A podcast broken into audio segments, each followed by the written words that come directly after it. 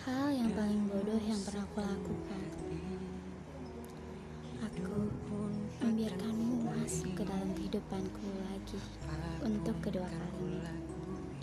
Dengan kepercayaan dan juga hati yang kuat Aku meyakinkan bahwa kamu akan berubah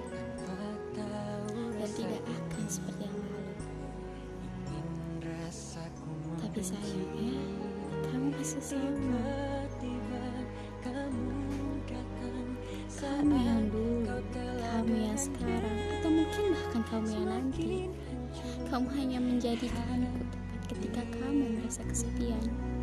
Kamu datang, kamu singgah, dan bahkan kamu memberikan kenyamanan.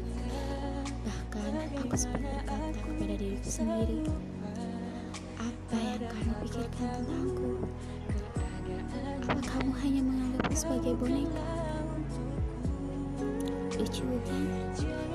Dan ketika aku tahu, kamu sudah dapat mengganti dia. Dia, dia yang membuatku kecewa pertama kali kepadamu. Jika kamu sudah memiliki seseorang yang bisa kamu genggam, lantas mengapa?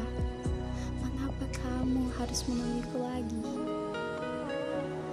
Aku bukan boneka yang bisa kamu gunakan semaumu dan membiarkannya sehabis kamu bosan begitu saja.